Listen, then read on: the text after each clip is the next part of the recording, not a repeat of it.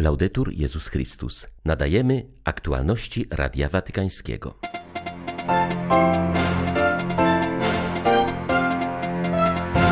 Na audiencji środowej Franciszek modlił się, aby powrócił pokój na Ukrainę, której mieszkańcy, jak podkreślił, tak bardzo cierpią. Polaków zachęcił, by sprawę pokoju powierzali świętemu Andrzejowi Boboli. Jan Paweł II nauczył mnie ufać w moc Ewangelii, mówi kardynał Camillo Ruini. Podkreśla, że odwaga, pokora i ofiarność papieża Polaka nie mają sobie równych. Przez Stany Zjednoczone przejdzie największa w historii pielgrzymka eucharystyczna. Najdłuższy odcinek liczyć będzie ponad 3000 kilometrów. Wpisuje się to w proces odnowy Kościoła zainicjowany przez episkopat. 17 maja wita Państwa Beata Zajączkowska. Zapraszam na serwis informacyjny.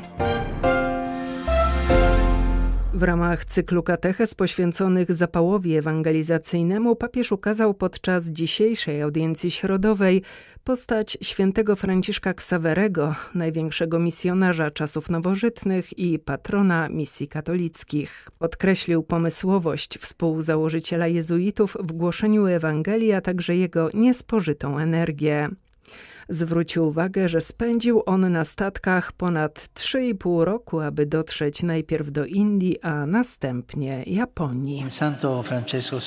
Niech święty Franciszek Ksawery, który dokonał tak wielkich rzeczy w takim ubóstwie i z taką odwagą, udzieli nam trochę tego zapału, tego zapału do życia Ewangelią i głoszenia Ewangelii. Wielu młodym ludziom, którzy dzisiaj są niespokojni i nie wiedzą, co zrobić z tym niepokojem, mówię: spójrzcie na Franciszka Ksawerego, spójrzcie na horyzont świata, spójrzcie na ludzi w tak wielkiej potrzebie, spójrzcie na tak wielu ludzi, którzy cierpią, tak wielu ludzi, którzy potrzebują Jezusa i idźcie, miejcie odwagę. Niech Pan da nam wszystkim radość ewangelizowania, radość niesienia dalej tego pięknego przesłania, które czyni nas i wszystkich szczęśliwymi. E Franciszek zachęcił młodych, aby przyjmując mandat misyjny Chrystusa na wzór świętego Franciszka Ksawerego oddali się w pełni entuzjazmu na służbę Ewangelii. Do Polaków powiedział: Saluto cordialmente pellegrini polacchi. Serdecznie witam pielgrzymów polskich, a szczególnie grupę zaangażowaną w obronę życia z Bractwa Małych Stópek. Wczoraj Kościół w Polsce obchodził święto świętego Andrzeja Boboli, jezuity, kapłana i męczennika. Polecajmy mu wszystkie trudne sprawy waszej ojczyzny i innych krajów, w szczególności sprawę pokoju na Ukrainie. Z serca wam błogosławię. Papież pamiętał też, jak przy każdym spotkaniu z wiernymi o udręczonej Ukrainie. My wszyscy prośmy Pana za umiłowaną Ukrainę. Tam jest tyle cierpienia Módlmy się za rannych, za dzieci, za tych, którzy zginęli, aby powrócił pokój. Ojciec Święty ze wszystkich sił dąży do położenia kresu przemocy i wypracowania sprawiedliwego pokoju. Wskazuje na to biskup Witalij Krywicki, podkreślając, że Franciszek jest jedynym światowym liderem, za którego działaniami nie kryją się żadne interesy.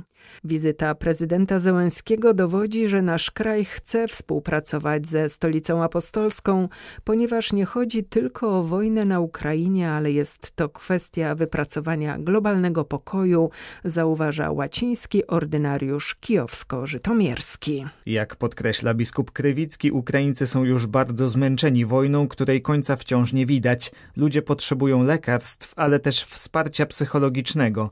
Prosimy, by Europa trwała przy naszym boku, mówi hierarcha. Biskup Krywicki wskazuje na ogromne znaczenie pomocy humanitarnej nieustannie płynącej z Watykanu oraz działań papieża na rzecz uwolnienia więźniów i sprowadzenia do domów ukraińskich dzieci deportowanych w głąb Rosji. Znamy dramat deportacji z czasów Związku Radzieckiego. Putin powinien za to odpowiedzieć przed Międzynarodowym Trybunałem Sprawiedliwości, mówi hierarcha.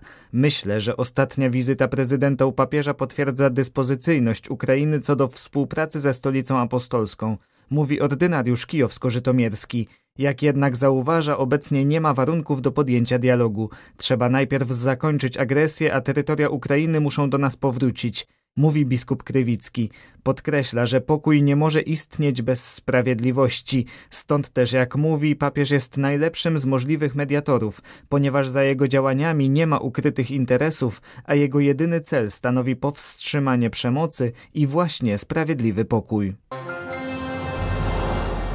24-godzinną wizytę w Moskwie składa sekretarz generalny Światowej Rady Kościołów. Wcześniej delegacja tej ekumenicznej organizacji przebywała na Ukrainie. Podejmowane są starania, by przedstawiciele głównych cerkwi prawosławnych Ukrainy i Rosji mogli zasiąść przy jednym stole. Do takiego spotkania mogłoby dojść w październiku, powiedział Radiu Watykańskiemu moderator Komitetu Centralnego tej organizacji. W programie jednodniowej wizyty pastora Jerego Pileja przewidziano spotkanie z patriarchą Cyrylem, choć jeszcze przed rokiem z powodu poparcia patriarchy dla rosyjskiej agresji na Ukrainę rozważano możliwość usunięcia moskiewskiej cerkwi ze Światowej Rady Kościołów. Przypomnijmy, że również kardynał Kurt Koch, prefekt watykańskiej dykasterii do spraw jedności chrześcijan, nie omieszkał nazwać postawy patriarchy Cyryla herezją.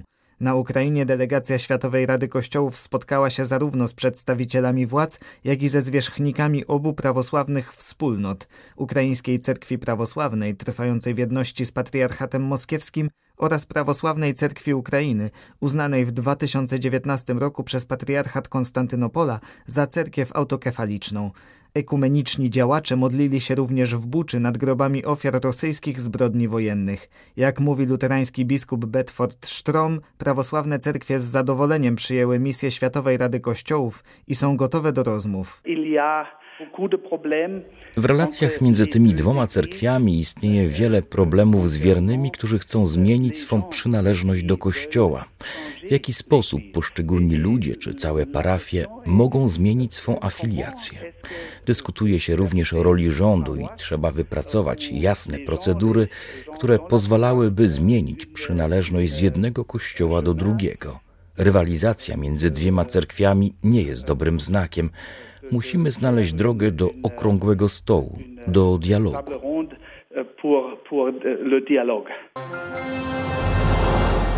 Jan Paweł II nauczył mnie myśleć z wielkim rozmachem i ufać w moc Ewangelii. Jego odwaga, pokora i ofiarność nie mają sobie równych, wspomina kardynał Camillo Ruini, który przez 17 lat kierował w imieniu papieża Polaka diecezję rzymską i z jego nominacji przez 16 lat stał na czele episkopatu Włoch. Podkreśla on, że polskiemu papieżowi bardzo zależało na tym, by jego diecezja stawała się coraz bardziej ewangelizacyjna. Wyrazem tego były zainicjowane w 1996 roku misje miejskie. Kardynał Ruinie obchodził wczoraj 40-lecie biskupi posługi. Przyznał, że w jej pełnieniu bardzo pomocna okazała się solidna formacja teologiczna, którą zdobył na studiach w Rzymie. Z wielkim entuzjazmem i zaufaniem przeżywał Sobór Watykański II, ale potem musiał się zdystansować od posoborowej kontestacji, która, jak przyznaje, pojawiła się bardzo szybko. Podobnie jak Jan Paweł II zawsze zwracał uwagę na to, by wiara miała wpływ na szeroko pojętą kulturę. Podkreśla, że jest to niezbędne, ponieważ dziś kultura masowa coraz bardziej oddala się od chrześcijaństwa, a tym samym ma negatywny wpływ na ludzi, odcina ich od wiary. Aby to zmienić, potrzeba przede wszystkim zaangażowania ludzi świeckich, którzy mają wpływ na kulturę i życie społeczne. Kardynał Ruini przypomina, że kiedy rozpoczął się obecny pontyfikat, on sam od czterech lat był już na emeryturze, nie mógł więc bezpośrednio współpracować z Franciszkiem. W tym czasie był jednak jeszcze przewodniczącym Międzynarodowej Komisji do Spraw Medjugorje i papież dwukrotnie musiał interweniować na jego prośbę, aby powstrzymać tych, którym zależało w Watykanie, by ta komisja nie doprowadziła do końca swego dochodzenia. To będzie jedna z największych procesji eucharystycznych w historii, głosi opis dołączony do mapy Narodowej Pielgrzymki Eucharystycznej. W przyszłoroczną pięćdziesiątnicę z czterech punktów na czterech krańcach Stanów Zjednoczonych ruszy Najświętszy Sakrament, za którym podążą wierni, aby na końcu dotrzeć na dziesiąty Narodowy Kongres Eucharystyczny. Fragmenty drogi przecinające zamieszkane tereny zostaną pokonane w formie pełnej procesji z asystą, pieśniami. W innych punktach kapłan lub diakon przeniesie ciało Chrystusa w mniej uroczystej formie, a na najtrudniejszych odcinkach użyje się samochodów. Cztery szlaki otrzymały nazwy świętych. Pierwszy, prowadzący z północy od źródeł Mississippi, poświęcono Maryi. Drugi nosi imię Elżbiety Seton, pierwszej kanonizowanej obywatelki USA. Z południa przejdzie droga Juana Diego, wreszcie zachodni szlak ruszy z San Francisco pod nazwą Junipera Serry, świętego ewangelizatora Kalifornii z XVIII wieku. Długość tej ostatniej wymienionej trasy wynosi aż około 3,5 tysiąca kilometrów. Liczni katolicy w USA podejmują przygotowania, aby uczestniczyć w niezwykłej inicjatywie. Stanowi ona część tzw. Tak eucharystycznego odrodzenia, rozpoczętego w 2020 roku przez miejscową konferencję episkopatu. Jest to reakcja na spadek wiary w tamtym kraju w realną obecność Chrystusa w Najświętszym Sakramencie. Podczas audiencji papież pobłogosławił polskiemu harcerstwu oraz Fundacji Małych Stópek. Harcerze przeżywają 20. rocznicę ustanowienia błogosławionego Stefana Frelichowskiego ich patronem. Do Rzymu przybyli przedstawiciele wszystkich organizacji harcerskich z całego świata, a także z Ukrainy. Polscy harcerze podarowali Franciszkowi obraz swego patrona. Modlili się też przy grobie świętego Jana Pawła II, mówi Marek Różycki. Chcieliśmy specjalnie podziękować Janowi Pawłowi II, stąd nasza wizyta w Bazyce Świętego Piotra. Chcieliśmy też podziękować Ojcu Świętemu Franciszkowi, ponieważ też jednym z takich etapów tej naszej wizyty była chęć zameldowania Ojcu Świętego naszego przygotowania na Światowe Dni Młodzieży właśnie w Lizbonie. Przyjechało gdy z całego świata 250 harcerek i harcerzy, wszystkie organizacje w kraju, czyli ZHR, ZHP, Federacja Skautów Europejskich i wszystkie organizacje harcerskie na świecie. Harcerstwo Polskie na Ukrainie, Harcerstwo Polskie na Łotwie, ZHP na Litwie, ale również ZHP poza granicami kraju. Są skauci Europy z Ukrainy, z Kijowa i razem w tej mszy świętej będziemy się modlić za pokój na świecie, szczególnie za pokój na Ukrainie. Fundacja Małych Stópek, którą pozdrowił papież, działa na rzecz poszanowania życia. Organizuje liczne akcje, aby wesprzeć kobiety w potrzebie. Największa pomoc z fundacji płynie jednak w stronę tych kobiet, których ciąża jest zagrożona aborcją, mówi ksiądz Tomasz Kancelarczyk, prezes fundacji. One inaczej spoglądają w przyszłość, skoro fundacja na dłuższy czas zapewni im pomoc w formie mieszkania, w formie wyżywienia, tego wszystkiego, co potrzebne na kilka lat dla dziecka. To jest bardzo ważny ten element, który sprawia, że kobieta pozostawiona czuje, że nie jest pozostawiona. Rozpoczęliśmy działalność Fundacji Małych Stópek niewiele ponad 10 lat temu. Pierwszej pielgrzymki założycieli tej fundacji, wtedy można powiedzieć wolontariuszy, dzisiaj to już raczej pracowników tej fundacji. Pierwszej pielgrzymki, która była bardzo trudną pielgrzymką od tej strony fizycznej, rozumiemy, że te kilkaset kilometrów w nogach to jest coś bardzo trudnego, ale to był taki dobry początek działalności fundacji, który sprawił jego błogosławione owoce. To, że ta fundacja Małych Stópek rozwija się w tak niesamowity sposób. Jako prezes tej fundacji jestem po prostu ciągle zdumiony tym, że my z roku na rok ciągle powiększamy swoje możliwości i tak jak patrzę ten początek, a te 10 lat później to już jest coś niesamowitego. Pragnienie nasze było, aby następne dziesięciolecie Fundacji Małych Stópek było zaznaczone pielgrzymką do Rzymu, do grobu świętego Piotra i także z pragnieniem otrzymania błogosławieństwa dla fundacji od papieża Franciszka. To się udało i z tego się bardzo cieszymy. Ja widzę w tym naprawdę nowe otwarcie dla fundacji. Były to aktualności Radia Watykańskiego. Laudetur Jezus Chrystus.